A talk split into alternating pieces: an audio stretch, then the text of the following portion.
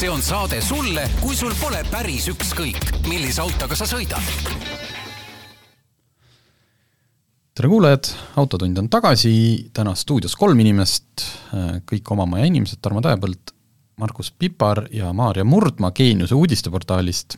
Maarja on meil uus autogeeniuse siis äh, reporter-toimetaja, kelle me kohe tegelikult me oleme juba teda mitmesse testi kaasanud, kuigi meil alguses oli selline noh, plaan, et me otsime inimest, kes nagu noh, kirjutaks niimoodi iga, igapäevast asjadest ja teda see autovärk üldse noh, parem ongi, kui ei huvita ja ei ole järjekordne inimene, kes tahab ainult autoga sõita, siis äh, on nii sattunud, et on pidanud ikka päris mitu korda juba sõitma. esimene kord küll ühistranspordiga no prooviks. ühesõnaga, me tegime ühe suure, suure ringi ümber, noh, nimetame seda ring ümber Võrtsjärve kolme erineva autoga, aga sellest siis juba saate teises pooles. Äh, kõigepealt siis äh, võtame siin paar, paar olulist asja läbi.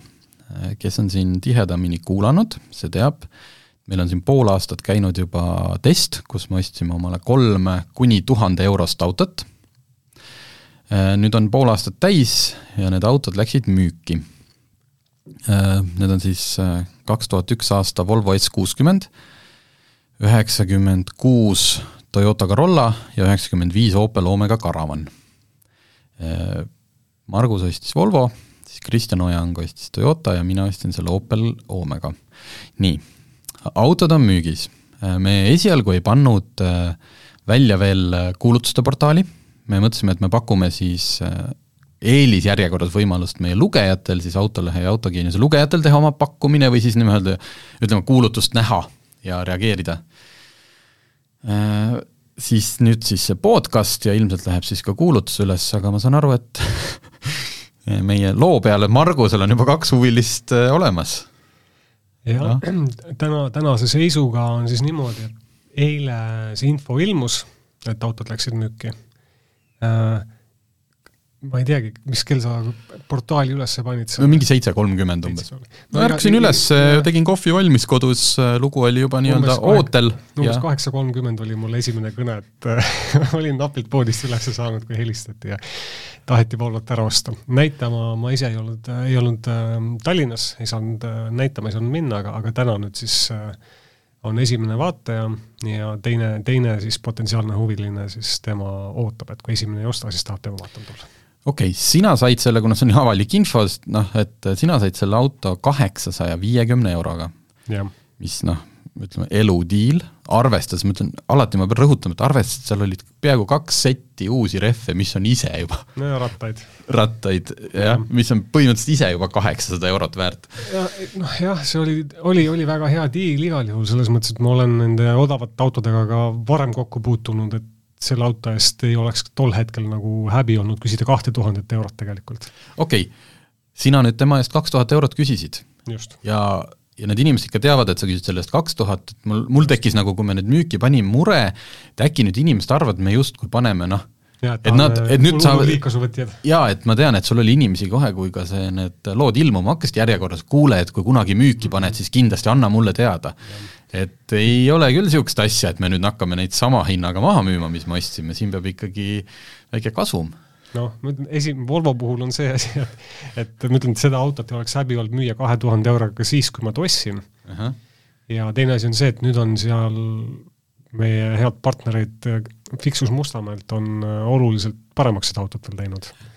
nii et äh, ja noh, lisaks on see, et nüüd ongi, ma olen ju tegelikult äh, mina olen üle kolme tuhande kilomeetri selle autoga sõitnud ja sõidan igapäevaselt ja ma võingi öelda, et äh, see on väga hea, väga hea auto.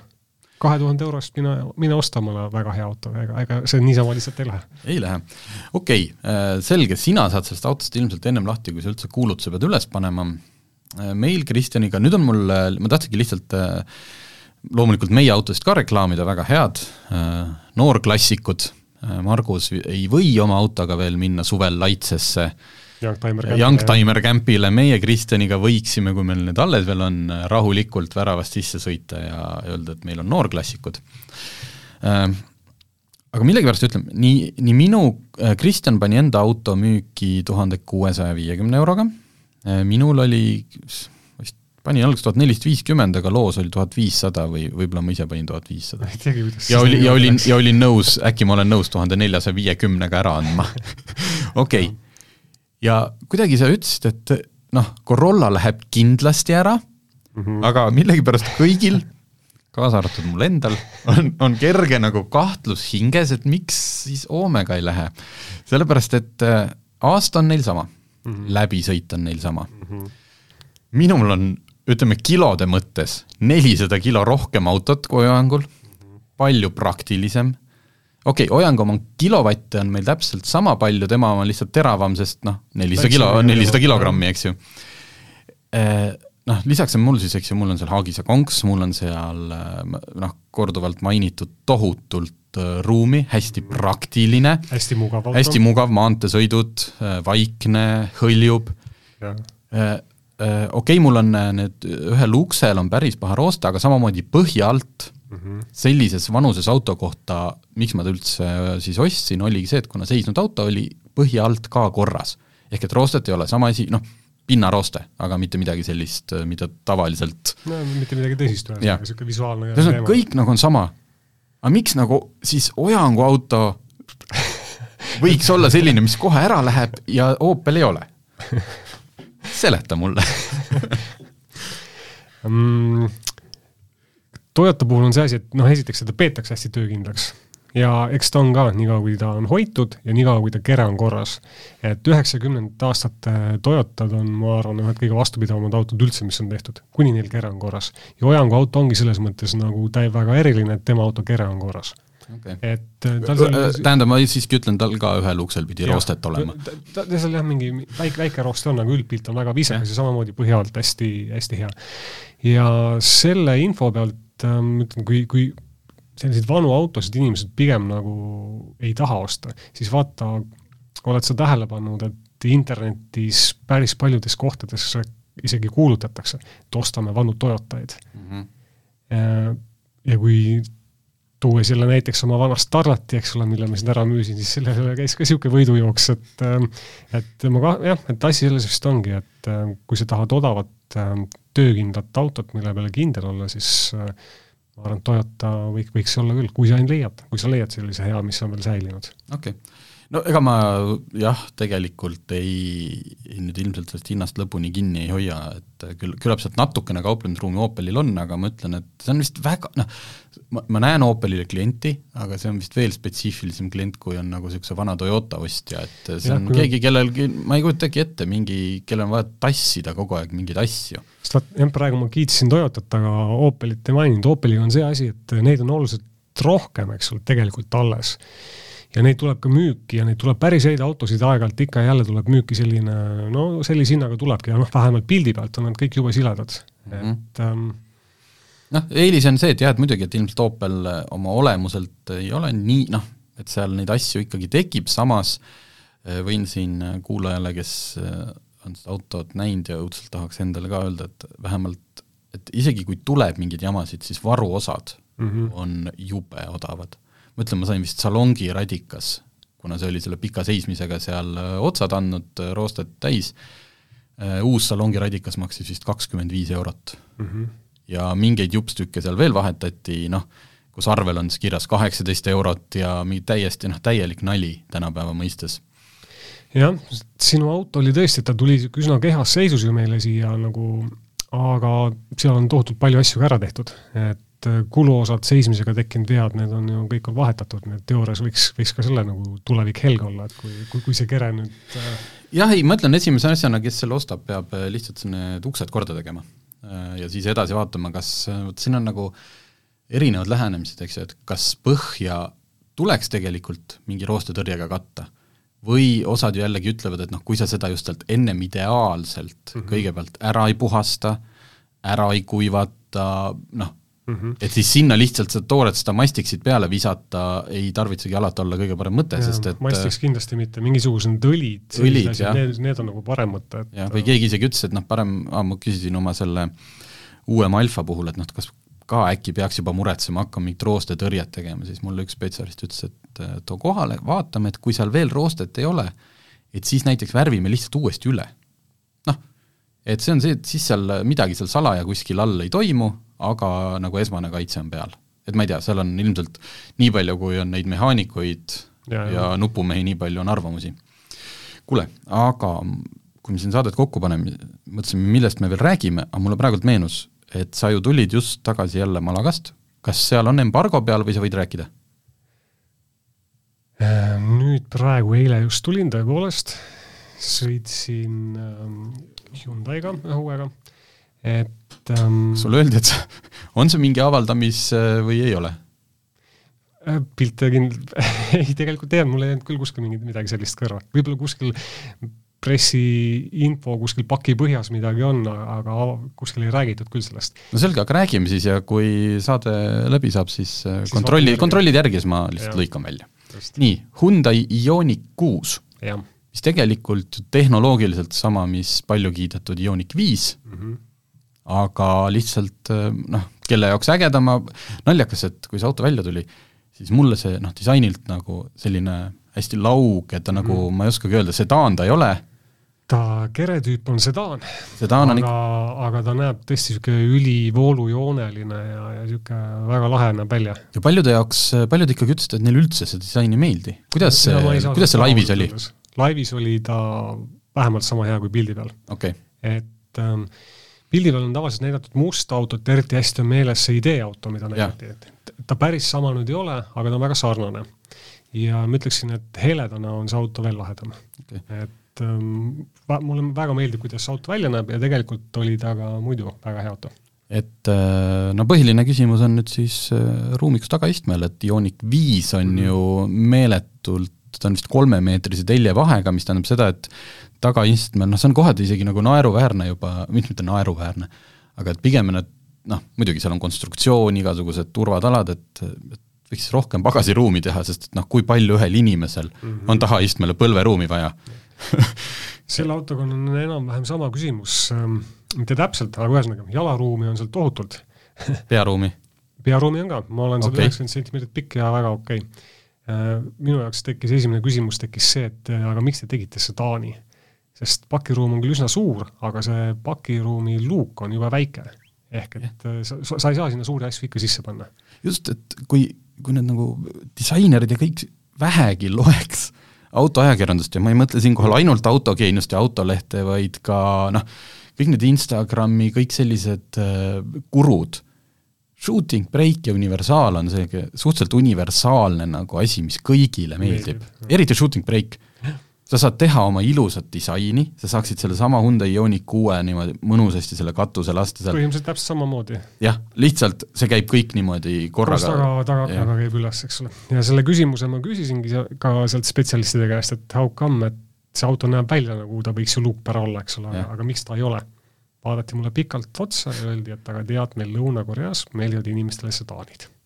no tõsi, sest et tegelikult ju see sedaani jah, et siit ida poole ja siis kuidas, mis on siis kagu poole minnes, nii ongi, sest ja, et on ju ka ja. Vene turul ja Türgi turul ja igal pool on ju mingitest autodest sedaanversioonid, mida ja, meile mida, üldse ei jah, mida meile ei müüda, millest me enamasti ei ole teadlikud, et niisugused asjad olemaski on ja siis teinekord tuleb mingi imeliku numbrimärgiga auto, jääb sulle silma ette, vaatad, teist otsast oleks nagu jah, ma ei tea, Citroen C3 või C4 ja, oli just, kunagi, jah. sõidad mööda, vaatad, pakiruum on taga nagu eraldi, et sama oli selle C4X-iga, millega sa ka hästi mm -hmm. hiljuti sõitmas käisid. see on jah, täpselt samamoodi, et seda plaanitakse müüa nüüd nendel turgudel, kus varem Citroen ei ole üldse olnud või kus on vähe olnud, nendel turgudel, kus hinnatakse sedaani ja siis tehaksegi, pannakse luukpärale eraldi pakiruum veel külge ja jaa, taaskord jõuame sinna, et oleks mina autotööstus, tööstur, küll ja. mina oskaks autosid teha, mul alati see tekib see küsimus, et nagu et noh, miks ei tehtud Alfa Juliast äh, universaalkirjaga versiooni ka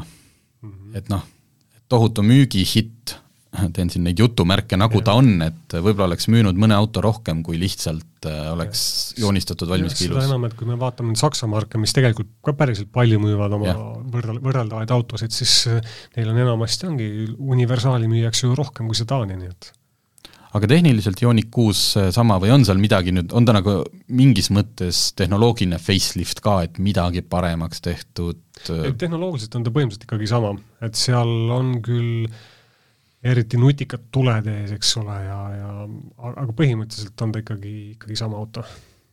Kas Eesti, aa Eesti hinnad vist on teada ka, et eks ta ikka kuskil see viiskümmend pluss ja või ja pigem siis üle kuuekümne, üle kuuekümne, nagu, nagu nad kõik. meil küll ei tule vist müügile seda väiksema akuga versiooni, et meil on suurema akuga ainult, mis on ka väga mõistlik tegelikult, kes aga jah, ei, ta on ilus auto ja hea auto, seal mõned väiksed puudused olid, eks lisaks sellele, et ta sedaan on, eks ole, et ähm, aga nendest siis äh, saab edaspidi juba lugeda okei okay,, äh, Maarja saab siin istuda, kuuleb, kuuleb autojuttu, aga ma siiski natukene autojuttu teeks veel, sest sa mainisid sedaani ja tundub, et sa oled siin meil niisugune sarireisija. Või noh, tegelikult ma olen ju ise ka siin laianud oma sõitudega viimastes saadetes, et äh, tulid ka hiljuti taas, taas, taas Hispaaniast. taas Hispaaniast, jah, sõitsin uuenenud Toyota Corollaga. just, ja mille valiks on ka sedaan, ma eile avastasin, või noh, nagu jah, ja kusjuures äh, huvitav on see, et kui ma nüüd õigesti mäletan, siis äh, Baltikumis on sedaan nagu selgelt kõige enam, enim, kõige enam müüdud keremudel, mudel Corollal. sedaan? jah. mis, no takso ta ei saa olla, sest taks-, no okei okay,, on no vot, aga nii Fleet, mina arvan, et see on Fleet, noh. küllap. ja no teine huvitav fakt on see, et äh, Corolla on tõusnud Euroopas oma klassi teiseks, ainult Golf on ees klass on siis mingi B-s ja ei C-s? golfi klass, väike keskklass. ja Eestis, üleüldse Baltikumis on Corolla oma klassi selgelt kõige enam müüdud auto. kolmkümmend viis protsenti on vist äh, Baltikumi selle klassi auto turust Corolla käes, et jõhkralt populaarne. alati, kui need müügitabelid ja see aasta, aasta müügitabel tuli ka, et siis mõtlen, et et ma, ma muidugi hindan kõiki Toyota turundusinimesi ja nii, noh, tore, lihtsalt ma mõtlen, kui noh, kui pingerikas võib see töö olla, noh näiteks Toyota kuskil müügiosakonnas versus ma ei tea, Alfa Romeo või Citroen, et noh, kus nagu on ilmselt on üsna suur vahe, et kui palju sul tööd on. Jah, et aga ma saan aru, et kui Ioniq, Ioniq muutus põhimõtteliselt noh, suurim muudatus on just see kere, siis Toyotal oli, see on Corolla mudeli uuendus, see ei ole uus ja, Corolla, et muutus põhiliselt kapoti all jah, äh, tuli palju juurde juhiabisüsteeme, elektroonikat, mis toimivad muide väga hästi, aga, aga kõige olulisem on see jah, et äh, hübriidajam uuendati, et nad ise ütlevad nüüd, et see on viienda põlvkonna hübriidajam, mis on varasemast väiksem, kergem, efektiivsem, muudab auto võimsamaks ja kiiremaks mm. -hmm. ja reaalsuses äh, ma olin siiralt üllatunud, et, et see auto mulle nii hästi meeldis okei okay,, sest ta jah, ei noh, Toyota võib kõike olla, aga, aga need tavaautod ei ole kindlasti tavaliselt noh, mitte põnevad, kui me just GR-Yarist, eks ju, ei tavaliselt on see, et sõidad, annad auto tagasi ja ega eriti hästi ei mäletagi, eks ole. aga see üllatas mind jah, et ähm, et teda tuleb kaheliitrise bensiinimootoriga koos ühe koma kaheksa liitrisega, rohkem on muudetud seda ühe koma kaheksast ja ja see jättis mulle eriti hea mulje, et äh, väga vaikne, väga sujuv, väga niisugune tähelepandamatult töötav, et ähm, et ma arvan, et keskmine kasutaja ei saa üldse aru, et tal seal mingi elektriasi ka kapoti all on.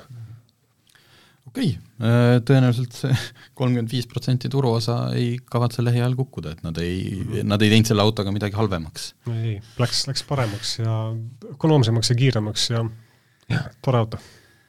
okei okay,, aga siis äh, meie nimetame seda hästi pompöösselt suureks võidusõiduks, tegelikult oli siis, noh tegelikult ta oli võidusõit, aga loomulikult ähm, ei olnud asi niivõrd selles mõttes ajas, et noh, et et mis sa siin ikka kihutad, eriti talvistel teedel. aga noh, et ikkagi, kes esimesena tagasi jõuab ja kui palju see siis kellelgi maksma läheb ja läksime kolmekesi ja läksime kolme erineva autotüübi, siis mootoritüübiga. elektriauto, bensiinimootoriga auto ja siis sinna vahele pistikhübriid. pistikhübriid, mis on nii elektriauto kui ka bensiinimootoriga auto.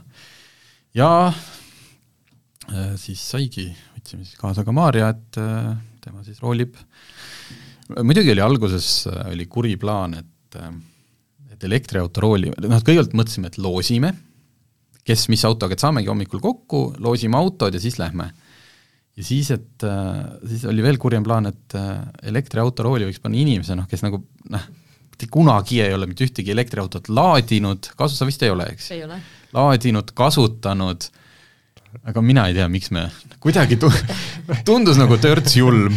jah, et no noor kolleeg nagu niimoodi tanki panna jah, äh, seega siis Maarja võib ise öelda, mis autoga ta siis sõitis. no Peugeot nelisada kaheksa, see oli siis bensiinmootoriga. Jah jah.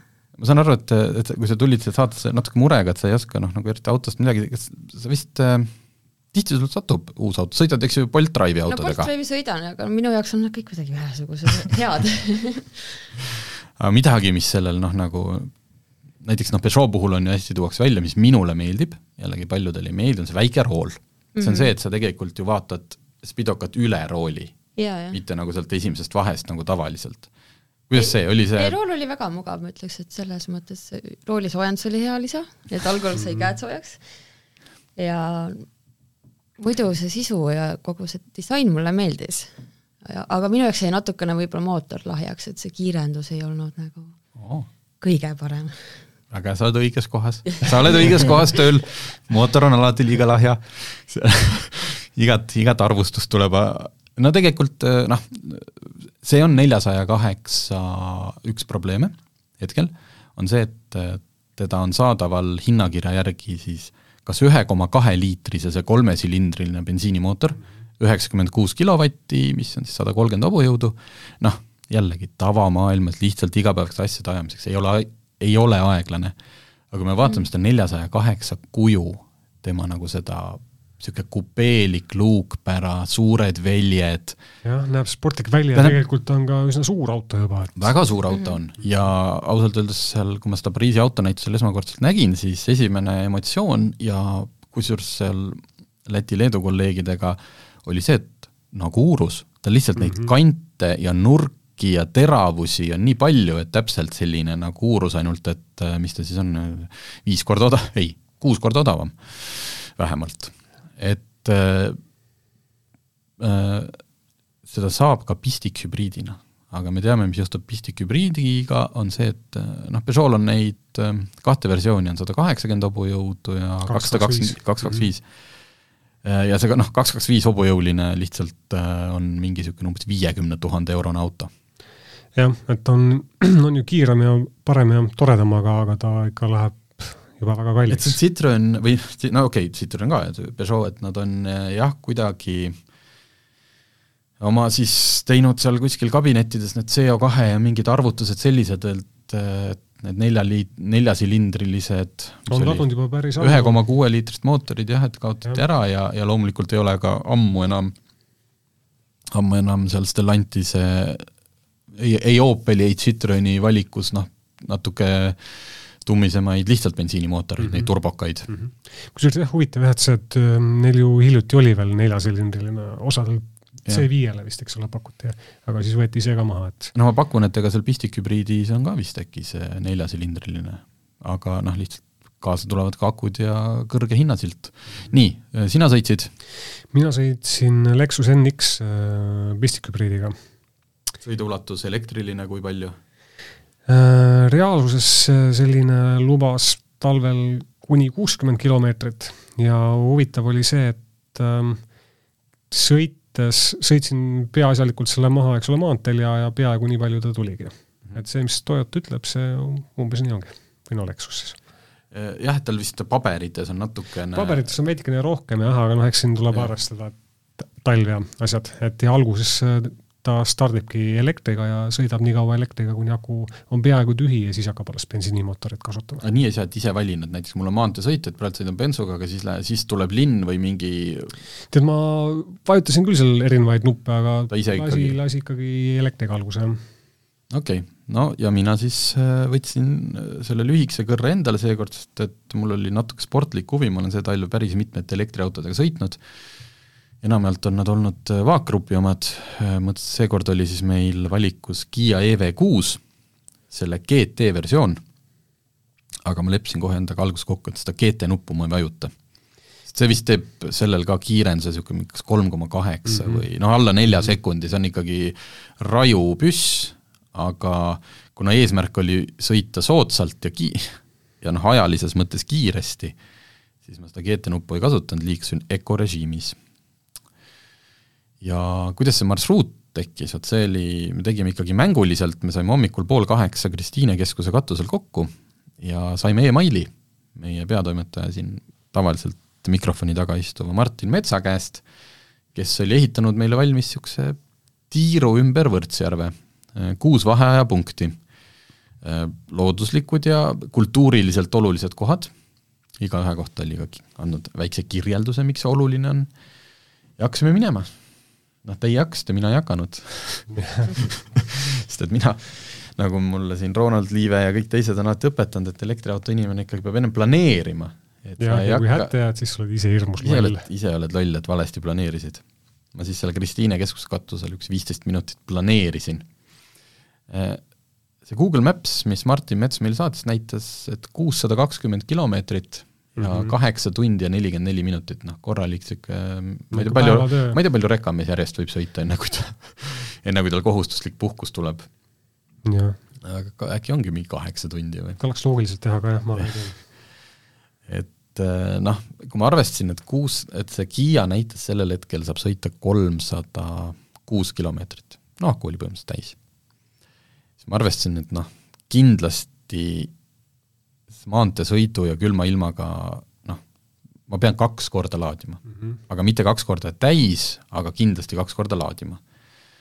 ja siis, kuna see noh, sõit meil algas, eks ju, Lahemaalt, siis läbi Jõgevamaa Tartu, Tartu, Tartu, Viljandimaa, siis jah, noh, Val-, jah, Valgamaa oli ka ja siis sealt niimoodi Soomaa kõrvalt äh, läbi siis Tori ja, ja üles nagu mööda Järva, Järvakandit ja, ja, ja siis koju tagasi. koju tagasi. et panin paika, et esimese laadimisega peaks Tartusse ikkagi, nagu ühe akutäiega peaks Tartusse ära jõudma. et seal laen täis ja siis järgmine Märjamaa Ionitis. vot, aga mine tea, tegelikult kas te üldse midagi planeerisite või? kuidas sulle, kas sa mina ei planeerinud absoluutselt mitte midagi. panid kohe nagu minema? panin kohe minema, mis oli muidugi võib-olla viga et mul tee peal juhtus ikka päris palju tehnilisi viberusi, selles mõttes, et äh, see autonavigaator ei leidnud alati kõike ülesse mul. absoluutselt ja, nõus. ja muidugi ma ei laadinud telefoni eelmisel päeval täis iga number siis, üks. siis sai see esiteks Narva maanteel kõigepealt tühjaks. ja juhet sa ka kaasa ei võtnud? Ei, see, aga seal oli see juhtmevaba laadija olemas autos, mis oli muidugi hea, aga see laadis iseenesest väga aeglaselt, kui üldse, et vahepeal oli selline, et ma panin laadima, siis pärast vaatasin, et ei olnud üldse midagi juurde tulnud. et kas ma siis panin ta seal, asetasin kuidagi valesti või mi, see on variant, aga üldiselt, kui sa jooksutad veisi, siis need induktsioonlaadijad pal paljuski jah ja, et see peab olema ilmselt kõige uuem auto, kõige uuem telefon ja ka siis ei tarvitse, see on noh, et ta ei suudagi. Et noh, järgmine kord olen kindlasti targem, et loen telefoni ka igaks juhuks enne täis. nii et ühesõnaga paar korda panid korralikult põssa? ma isegi ei tea, kui ma seal Narva maanteel olin, siis ma korraks ehmatasin ära, et kas ma nüüd sõitsin mööda, sest ma teadsin, et kohe tuleb see pööre, aga siis ma sain seal kuidagi ära tehtud ja siis vaatasin, et okei okay,, et nagu iseenesest ei ole palju ja ajaliselt ju jõudsin ka täpselt nii, nagu see näitas mulle, et tund ja viis minutit, et siis olin kohal tead, sa, huvitav, et sa, kuidas sinna Rakverre, ma tean, et sealt Rakve-, enne Rakveret oleks pidanud pöörama Kadrina peale ja sealt läbi Väike-Maarja äh, vist, minul vähemalt oli nii. mina jõudsin muuseas äh, käia vahepeal, kuna poolel teele jäi ka meil marsruudi koostaja Martin Mets, siis ma käisin ja mõtlesin, et äkki ma saan pugejapunktid, et käisin tema juures ka läbi, tervitasin teda akna pealt ja sõitsin edasi. pugejapunkte ei antud kahjuks. aga sina kasutasid mida, Waze'i, Google Maps'i sest sinul tuli lõpuks kõige väiksem kilometraaž, mina tean, miks minul tuli, või siis oligi lihtsalt see, et kuna Maarja paar korda eksis ära mm, -hmm. kuna mina pidin mingeid laadijatiire mm -hmm. tegema, aga sina sõitsid alla sellest, mis Martinil jaa, oli? see oli vist kuussada kakskümmend oli, arvas Martin ja mina sõitsin alla kuuesaja kilomeetri mul tuli. aga oli sul Waze või oli sul Google Maps? tead, see oli ka niimoodi, et mul äh, vahepeal telefon kuumenes üles, üle ja siis ma Waze'i ei saanud kasutada. siis ma vahepeal sõitsin täitsa oma teadmiste järgi enam-vähem õigesti või, või võib-olla isegi väga õigesti, et ma nii vähesega hakkama sain. ja, ja vahepeal äh, autonavi järgi ja siis jälle veisi järgi. et, äh, et, et mul kahjuks see ei õnnestunud, et, et äh, panin selle ühe marsruudi sisse või mis Martin oli saatnud ja selle järgi sõitsin, et mhm. pidin ka kombineerima. okei okay., no autonavidest rääkides, siis noh, Maarja järgi on, aeg-ajalt oli tal sellest abi, mõnikord ei olnud -hmm. minul näiteks oli see, et enne kui ma Tartu hakkasin jõudma, elektriauto inimene plaanib, ehk ta paneb ennem aku sooja, ja kui ma teadsin, noh, ma olin siis otsustanud tee peal seal, vaatasin, et millisesse laadimispunkti ma Tartus lähen, et äh, valisin siis Circle K. Neil on uued laadijad, kolmsada kilovatti võimsust Lõunakeskuse juures, mõtlesin, et väga mõnus äh,, saan seal ükskõik, noh, omale söögikoha valida, lõpuks läksin ikkagi McDonaldsisse äh,, aga mina sealt Kiia sellest, no okei okay,, see oli ka väga uus laadija, aga Kiia sellest oma navi, sel-, sa ei saa nagu, mina ei leidnud nuppu, et ma saaks lihtsalt öelda, hakka nüüd akut soojendama. ma mm -hmm. pean valima navist, äh, vabandust, kui keegi teab, kuidas see käib, kindlasti kirjutage, et on ka võimalik teistmoodi, võib-olla on see äpi, võib-olla kui mul on telefoni äpp, äkki ma sealt saan. et ma pean navist valima mingi laadimispunkti ja ütlen, et ma nüüd sõidan sinna ja siis aku hakkab nagu ennast soojendama. nii et ma võtsin Tartus mingi suvalise kuskil mm, -hmm. panin, et ma nüüd sõidan sinna laadijasse, tegelikult läksin see teise. küll üsna rumalalt ausalt öeldes, et miks niimoodi? Äh, ma olen seda teistel autodel ka kohanud et see on, need autod ikkagi ehitatakse sageli, programmeeritakse mingite, olenemata, kui palju meile räägitakse, noh, kui, kui connected ja asjad nad on, siis Eesti on kahjuks ikkagi mingi ääremaa, kuhu noh, kõik, kõik info alati ei jõua nende süsteemi. No selles mõttes sa võtsid nagu hea testiauto, et ähm, auto, mis suudab hästi kiiresti laadida. jah et tänu sellele oli, oli sul keskmise elektriauto omaniku ees nagu eelis tegelikult? mul oli, mul oli, sest et Kiia oma kaheksasaja voldise süsteemiga suudaks maksimaalselt laadida kolmsada viiskümmend kilovatt, kilovatise võimsusega ehk see tähendab muidugi, kui ma Kiiat tagasi viisin, siis äh, mulle müügimees ütles, et ükskõik, mis sinna kasti peal on kirjutatud, et Ionity on vist kolmsada viiskümmend, mhm. äh, Circle K oma peal oli kolmsada kirjutatud, et Eestis vist peaks olema reaalselt ainult üks laadija, kuskil ma nüüd ei mäl-, vabandust, ma ei mäleta, mis tehnoloogiliselt suudab sellist pauku ka välja anda. ja kuidas sinul läks no see kolmesaja kilovatine laadija, see on kaks otsa, ma olin üksinda küljes, ma nagu arvasin, et küllap ma saan kõik see kolmsada kilovatise endale, aku oli ilusti soojendatud, saabusin täpselt kahekümne protsendiga, ehk siis sain ideaalselt see, mis müügimaterjalides alati on see, et kahekümnest kuni kaheksakümne protsendini laadib nii ja nii kiiresti. Mm.. Kõik see hetk, mis ma seda õues seda ja, ja autos seda laadimisvõimsust jälgisin, siis üle saja kolmekümne ta ei läinud. Võib-olla korra, kui ma seal Mäkist omale tõin äh, tervislikke juurvilju ja asju, et siis hüppas, aga ma ei usu. ja naljaks oli see, et kui ma panin ta laadima, siis see masin näitas mulle, et äh, kaheksakümne protsendini see Circle K masin läheb kakskümmend seitse minutit ja täpselt kakskümmend seitse minutit ta läkski hmm nii et ta teadis juba alguses, et ta ei kavatsegi mulle sealt rohkem mingit anda. rohkem anda ja, ja Kiias mulle öeldi, et ei, see ongi täiesti nagu mm -hmm. fine, et noh, muidugi natuke mõjutab külm ilm, et sealt oleks võinud rohkem saada, aga et äh, see on natuke asi, mille, mida inimesed ei peaks väga tõsiselt võtma, kui nad näevad kuskil kolmesaja kilovatist laadijat, siis äh, sa ei saa sealt kolmesadat kilovatti kätte. isegi ideaaltingimustes. vähemalt nii mulle öeldi ja kogu, äh, ma mõtlesin, et ma lasen siis aku saja protsendini seda tavaliselt avalikes laadijates ei tehta, aga kuna keegi järjekorras ei olnud ja ma teadsin, et reis viib edasi kuskile Soomaa tagumistesse nurkadesse. sul võib vaja minna seda. mul võib seda vaja minna, et ma lasin saja protsendi peale, nii et kakskümmend protsenti kuni sada protsenti äh, tuli viiekümne minutiga mm. -hmm, et siis mm -hmm. kasulik tarbijanõu teile, teate. Teie selleks ajaks, äh, kas te peatusi tegite, lõunapausi tegite? ja mina tegin Rakveres. okei okay mina tegin Rõngus. ostsin oma lemmiklihaperukaid sealt Rõngupoest. et ma ütlen, et suhteliselt kiiresti meie marsruudid läksid nii imelikeks, et mina oma arust nagu, ma ju veel käisin seal, eks ju, Martin Metsa tervitamas mm, -hmm. ma, ma käisin seal esimeses vaheajapunktis seal Eru linnuvaate tornis, ikkagi jalutasin ilusti kohale, tegin mm -hmm. pilti, sina sellel ajal tulid mulle juba vastu, olid seal ära käinud ja kui me jõudsime teise punkti, äh, seal, mis oli see Manteufelite kalmistu saarel, siis jällegi mul alles tulid vastu. et seal ma tegin, seal tegin ka kuskil viieteistminutise tööpausi, et oli vaja mingid muud asjad ära teha. okei okay., ma praegu küsin vahele, et mul meelest ei läheks, kas see viisteist minutit, kas see kümme null kaks, mis ma artiklisse panin, kas see on nüüd äh, kas sealt tuleks see, tegelikult, tegelikult tuleks see tööpaus sealt maha arvestada, et me leppisime kokku, et kui kellelgi tuleb ikkagi mingi asi vahele ja ta seisab sellepärast, et peab tööd tegema, et siis seda me sisse ei arvesta. Pärast tuli mul, tuli veel viisteist minutit Äh, lõunapausi, aga see, see, see oli meil kõigil see, see läheb sisse. jah, ja kui ma siis Tartus ära laadinud, läksin sinna Võrtsjärve otsa Jõesuusse äh, järjekordselt vaatetorni vaatama ja pildistama, siis mul, ma justkui nagu nägin Maarjat seal just sõitmas.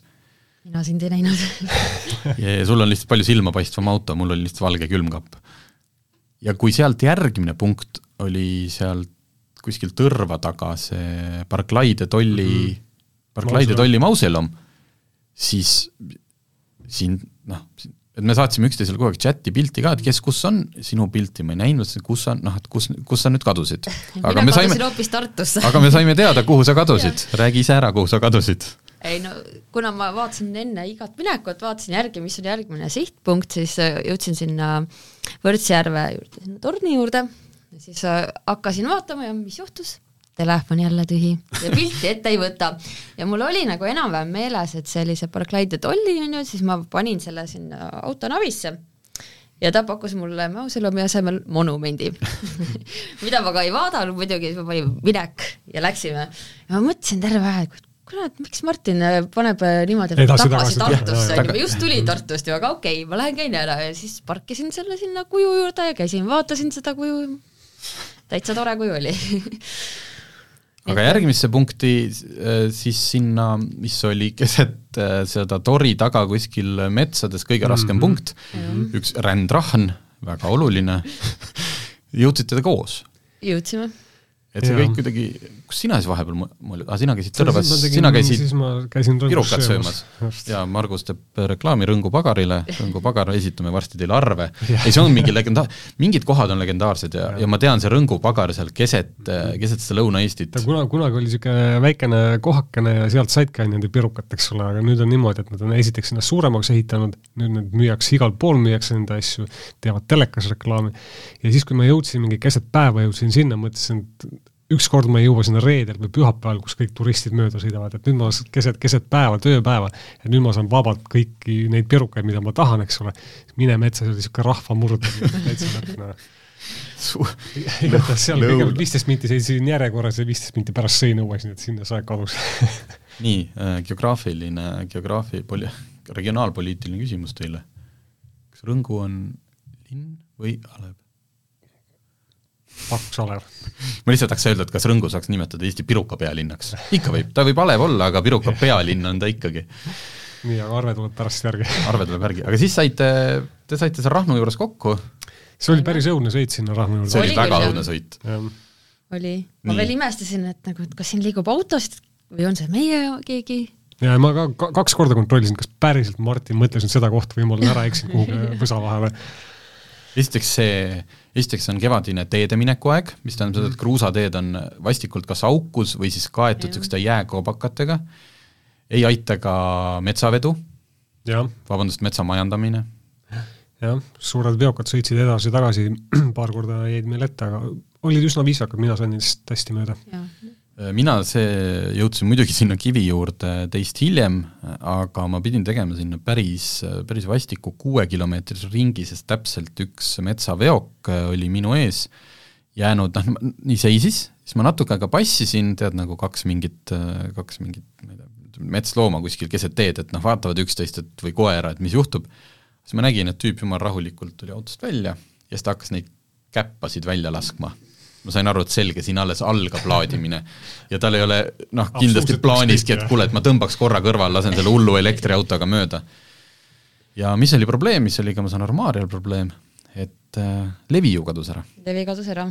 Äh, aku akuks, aga minul oli täis aku kõik äh, Tele2, teeme siia kõik QGSM-i naljad ära, lihtsalt äh,, lihtsalt ei ole levi ma ei saa te-, ma ei saanud teilt pilte mm, -hmm. ma üritasin Maarjaga telefoni teel, et kus te olete, et noh, kuna see tee oli nii karm olnud yeah., siis mul oli päris mure, et noh, kas Maarja on minust tagapool, on ta must eespool, tahtsin isegi hoiatada, et võib-olla ära isegi seda punkti võta, sest et noh mm, -hmm. mingi metsaveoauto on ees ja hästi vastik on kõik.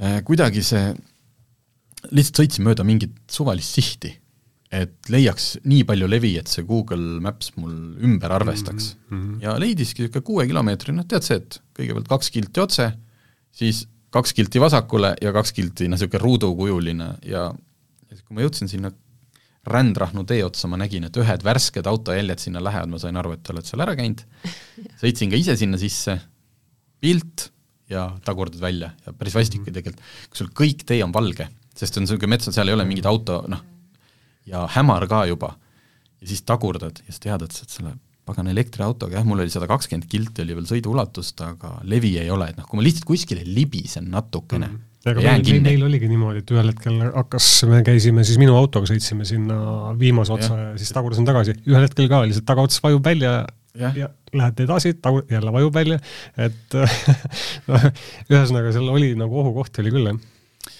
Aga noh, edasi, edasi siis see oli, järgmine punkt oli Järvakandi klaasimuuseum, mis minu sinna jõudmise ajaks oli suletud, noh, teie vist oleks saanud minna, aga meie nagu ütleme nii, et selleks ajaks oli kuussada kilomeetrit peaaegu selja taga ja nii kopp oli ees, et aitas küll, et ühe hetkeni oli tore, pärast, pärast teise, teisel hetkel enam ei olnud tore.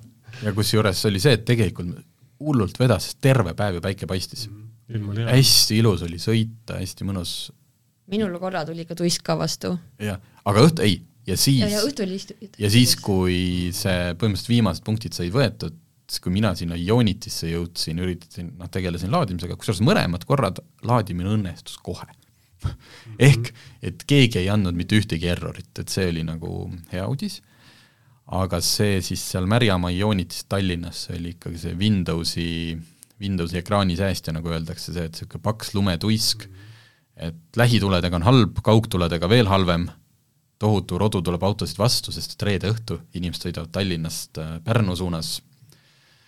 Et see lõpp oli küll jah, et äh, aga võtame selle siis kokku, äh, tulemused, tulemused. mina jõudsin esimesena Tallinnasse tagasi ja siis circa kakskümmend viis minutit enne Maarjat. -hmm. Margus aeg, mul on kirjas kümme null seitse, aga nüüd siit võtame maha siis viisteist minutit, ehk siis üheksa tundi ja viiskümmend Äh, kaks minutit ja läbitud äh, distants viissada üheksakümmend viis kilomeetrit. et äh, see tähendab ikkagi neid väikseid teid ja asju ja kõike oli nii palju, et noh, et keskmine kiirus ei ole väga suur mm, -hmm. põhimõtteliselt kümne tunniga ju oleks kuskil Kaunases, Vilniuses ikka väga kaugel, jah. väga kaugel. ja kütusekulu oli sul keskmine oli kuus koma null. jah lisaks, lisaks siis umbes viiekümne kilomeetri jagu elektrit. just, et tänu sellele, et kuna sa alustasid täis, täisakuga mm, -hmm. kasutasid seal alguses selle elektri ära, tegime arvutused, et bensiini hind üks koma seitse kaks üheksa. võtsime posti hinna, loomulikult igalühel on meil mingi kliendikaart ja noh, kes iganes mingi diil, aga võtsime posti hinna, et oleks võrreldav, ja elektrit arvutasime siis universaalteenus hinnaga, mille ma sain lihtsalt oma kodust elektriarvet korrutada seal jagades nagu mm -hmm. tarbimisega null koma kakskümmend üks senti. noh, jällegi, kes laeb börsielektriga ja suudab oma elektriautot öösel ka viie, noh, täpselt, tehke siis omad arvutused, et ja. ongi, ongi. ja täpselt sama asi on ju tegelikult vaata posti peal, kui sa laed avalikus punktis samamoodi, see hind sõltub palju, et kui, millise võimsusega. absoluutselt, jaa. et meie tahtsime kiiresti saada, sa maksid ka laadimisest rohkem ma hakkasin laadima, täpselt, et ma oleks võinud odavama võtta ja teiseks ka see, et näiteks ka kiiretel on vahe, sest et äh, Circle K ähm,, see kolmesaja kilovatine mm, -hmm. oli nelikümmend, kas see oli nelikümmend viis või nelikümmend üheksa senti, no vahet ei ole mm -hmm., kilovatt-tund. Ionity seitsekümmend üheksa. Mhm. et seal on nagu metsik vahe, kujuta ette, et sul on ühes kohas on benson üks koma seitse ja teises kohas on kaks koma viis. nii, minu kütusekulu tuli kuus liitrit sajale Maarjale. kolmkümmend viis liitrit jah, Maarjal oli kuus koma üks sisuliselt sama, et panna juurde minu elektrikulu, siis, siis jah, mina laadisin siis Circle K-s täitsa täis, Ionitisse laadisin juurde mm, kakskümmend neli kilovatt-tundi, et oleks võinud vähem, aga ma tahtsin niimoodi, et noh, ma ei ole päris nii, et ma jõuan Kristiine keskuse katusele, noh mingi, et mul on viis kilti jäänud, aga mul on järgmine päev vaja veel selle autoga mingeid asju teha, et panin väikse varuga. okei okay,, Marguse reis maksis kuuskümmend neli koma viis eurot Maarja reis maksis kuuskümmend üheksa koma viis eurot, ehk siis täpselt viieeurone vahe, ja minu reis maksis kuuskümmend neli koma seitse eurot. Ehk et kakskümmend, kakskümmend senti vähem. ma arvutasin siis niimoodi, et, et seda, et noh, nagu ma oleksin laadinud kodus oma auto ennem oma universaalteenusega nagu täis, et ma arvutasin selle hinna noh, sinna sisse jah, ja see asi oleks olnud natukene teistmoodi, kui me oleksime sõitnud kõik täpselt sama palju kilomeetreid. et autode ökonoomsus no natuke teistmoodi, eks ole, aga et meil läksid need reisid niimoodi maksma, et mina sain kõige odavamalt. ja ma tahtsin öelda, et kui Maarja sõitis kümme tundi ja kakskümmend kaks minutit, siis minul oli see üksteist tundi ja viiskümmend neli minutit, nii et ma sain napilt alla kaheteist tunni, kaheteist -hmm. tunni hakkama. ja noh, see laadimine oligi viiskümmend minutit siis seal Tartus ja umbes äh, mingi kakskümmend minutit äh, seal Märjamaal. et noh, selles mõttes, et kui sul traagiline. on, kui sul on jah, hea elektriauto ja head laadijad, siis see ei olegi väga traagiline, kui see on nagu lihtsalt ma, lihtsalt rahaliselt nagu näha, et tegelikult mitte mingit vahet ei ole, millise autoga me sõitsime, kõik maksid sellest äh, circa kuuskümmend viis eurot selle suure ringi eest. aga ma tahtsin öelda, et äh, see Kiia EV6 elektritarve oli, tarne, tarve, tarve, tarbimine oli lõpuks kakskümmend üks koma kuus kilovatt-tundi saja kilomeetri kohta, mis on mhm. mul selle talve konkurentsitult parim tulemus, sest ma olen sõitnud siin ka autodega, millel on see olnud ka kolmkümmend kaks ja niimoodi mm, -hmm. nii et äh, ja arvestades, milleks see auto suuteline on, eks ole, tegelikult on tohutult võimas ja kiire auto. et äh, selline, selline praktiline tarbijanõu teile siis tänasest saatest, et minge reisige, vaadake Eestis ägedaid kohti, mina ei olnud äh, käinud ei, äh, mina ei teadnud Barclay de Tolli kall-, seda mausoleumi, noh, ütleme seda rändrahnu seal kuskil tori taga ma pigem ei tahakski teada. Ja, ja okei okay,, see, see Eru vaatetorn esimese punktina Lahemaal oli ka, seal ma ei olnud ka käinud, väga ilus oli. lihtsalt Martin ütles, et seal on ka binokkel, saad lill, linde vaadata, binokli oli kas keegi ära kaksanud või oli siis ähm, RMK või kes iganes seda majandab, ise selle talveks ära viinud. aga sõitke ja pole vahet, millega te sõidate, maksate täpselt sama palju. lihtsalt äh, elektriautoga sõidate umbes poolteist tundi kauem. vot, aga selline sai tänane saade ja kuuleme jälle.